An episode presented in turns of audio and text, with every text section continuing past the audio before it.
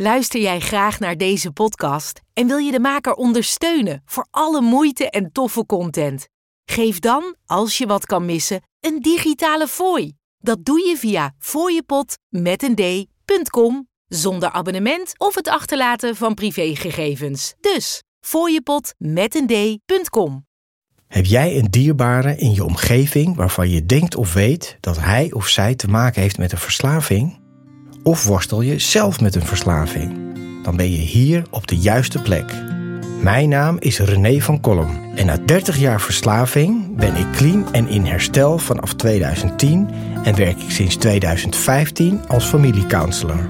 Dit houdt in dat ik de mensen in de directe omgeving van iemand met een verslaving help. Want als je dicht bij iemand staat die verslaafd is, is het echt belangrijk dat je weet wat je wel en beter niet kan doen.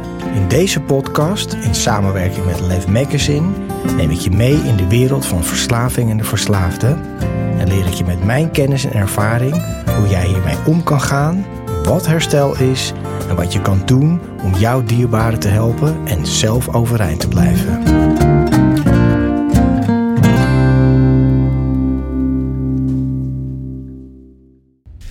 Lieve mensen, welkom bij een nieuwe aflevering van de podcast van Verslaving naar Vrijheid. Mijn naam is René van Kolm fijn dat je kijkt en luistert. Allereerst wil ik zeggen, lieve mensen, dat ik ontzettend blij ben dat de podcast groeit. Er komt steeds meer aandacht voor. Ik mag lezingen geven. Er komt wat media-aandacht in kranten, eh, lokaal en er komt nog veel meer aan.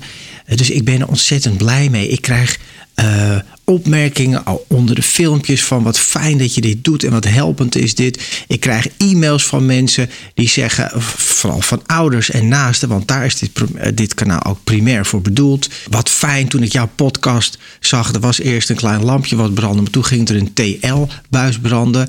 Dus er gebeurt wat. Er komt bewustzijn over waar we mee te maken hebben.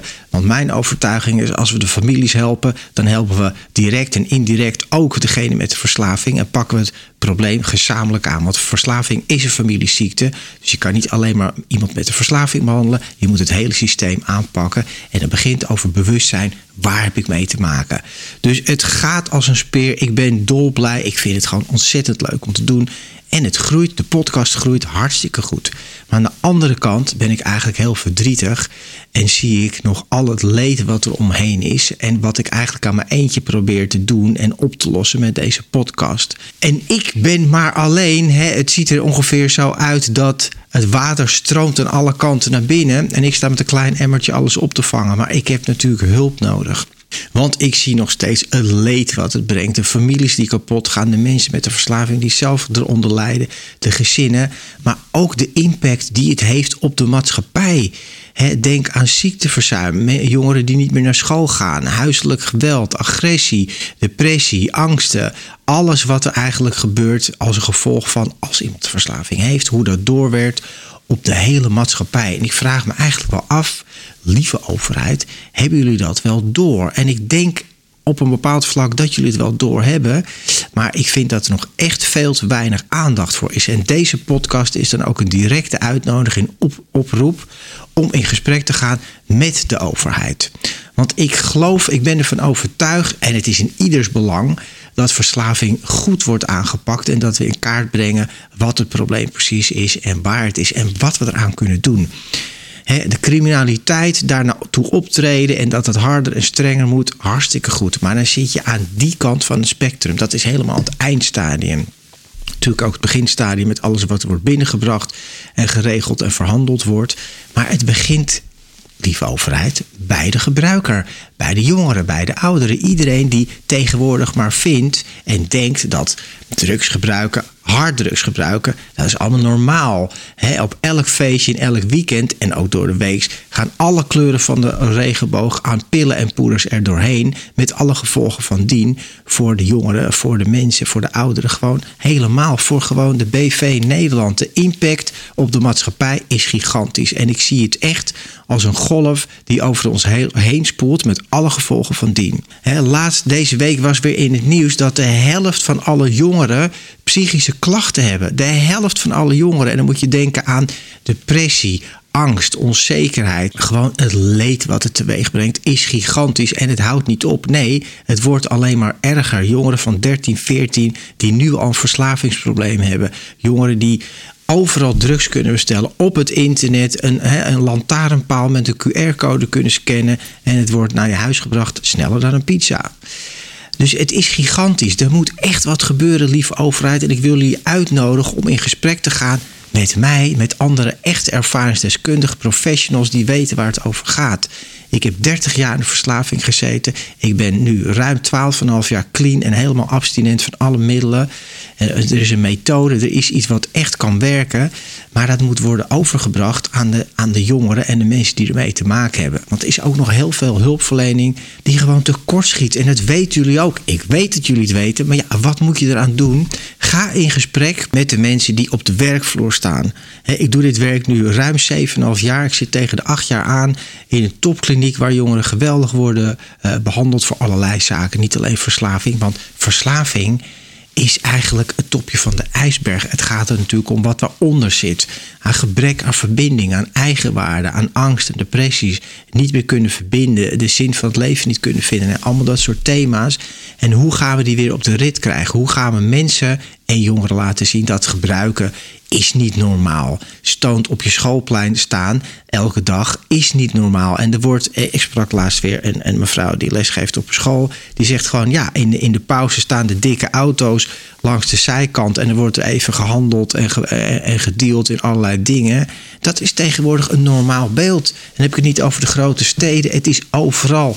Lieve overheid, ik weet dat jullie weten. Ga met mij, ga met ons in gesprek. Ik nodig mezelf hierbij uit naar jullie toe om hier echt wat aan te gaan doen. Gelukkig zie ik ook dat er dingen gebeuren. er is een rapporteur verslaving eh, aangesteld door de minister van Ooyen. die gaat het allemaal in beeld brengen. Nou, fantastisch, heel goed initiatief dat er eindelijk wat gebeurt. Maar dan Oké, met alle respect, dan wordt er een rapport van gemaakt. Dan komt er een commissie, die gaan er weer over praten. Hoe lang gaat dit allemaal duren? Er moet nu wat gebeuren. Acties, campagnes, filmpjes, preventie, scholen, dingen op televisie. Ik zie er helemaal niks van. Het enige wat je ziet is, ja, er is weer daar veel zoveel ton cocaïne gevangen en daar fantastisch, heel goed werk, vooral blijven doen en de criminelen het zo moeilijk mogelijk maken. Maar dat lost het probleem niet op. Dat is zeker een facet wat natuurlijk moet gebeuren en wat erbij hoort. Maar je moet beginnen bij de mensen die het innemen, die denken dat het allemaal normaal is. Daar moeten we echt compleet van af. Dus nogmaals, ik nodig mezelf bij deze uit. Want wat zie ik? Ik zie helemaal niks. Het enige wat je ziet is bekende Nederlanders die uitkomen of voor hun verslaving, die een verhaal vertellen. Fantastisch, het helpt allemaal bij. Maar we moeten gewoon voor iedereen, hier moet wat aan gebeuren, hier moeten we wat aan gaan doen. Maar wat zie ik? Het wordt steeds normaler. langs de bushokjes staat overal de gokreclames. Kom hier gokken, leg daar een beetje ja, dat gaat hem niet worden. Dat gaat niet helpen. We gaan naar een staat toe, of daar zijn we eigenlijk al lang beland, waarin het normaal is om harddrugs te gebruiken en dus ook te verkopen. En een lekker zakcentje te verdienen voor jongeren en ouderen. Het is niet normaal en hier moeten we echt iets mee gaan doen. Gelukkig heb ik laatst een initiatief gezien van de politie, volgens mij was het in Rotterdam, waar ze jongeren met een virtual reality bril laten zien wat het betekent als jij uithaler, en even voor niet weet wie een uithaler is, uithaler kan worden, kan zijn. Een uithaler is iemand, het zijn vaak echt jongeren in natuurlijk de kwetsbare wijken, en er zijn er helaas heel veel van, die snel geld kunnen verdienen door drugs, vooral cocaïne, uit containers van schepen te halen. Je moet er een levensgevaarlijk klusje voor uh, doen en worden daarvoor rijkelijk beloond met geld. Nou, en in, dat, in die campagne, wat ik echt steun en top vind dat politie dit soort dingen gaat doen, lieten ze zien van wat voor gevolgen jouw keuzes hebt als je dat gaat doen. Want je hebt snel geld, maar je hebt ook heel snel problemen. Want je geeft één vinger aan deze hè, criminele toestand, maar ze nemen je hele arm en je been en je familie wordt er ook in meegetrokken dat soort zaken lopen altijd slecht af. Het is of je komt in steen, de gevangenis, of je komt in hout terecht. Dat zijn zes plankjes onder de grond. Het loopt altijd slecht af. Maar goed dat dat gebeurt. Bewustzijn over jongeren. Ga met die brillen alle scholen langs. Ga met die bril het hele land door. En dit soort dingen ook gewoon laten zien wat drugs doen en wat de impact is op de hele familie en het hele gezin en dus heel Nederland. Want het werkt door op de schoolpleinen, in de GGZ, in de zorg. Alles is overbelast en er moet wat gebeuren. Nogmaals, lieve overheid, voor de zesde keer in deze podcast, misschien de vijfde keer. Ik nodig jullie uit om in gesprek te gaan.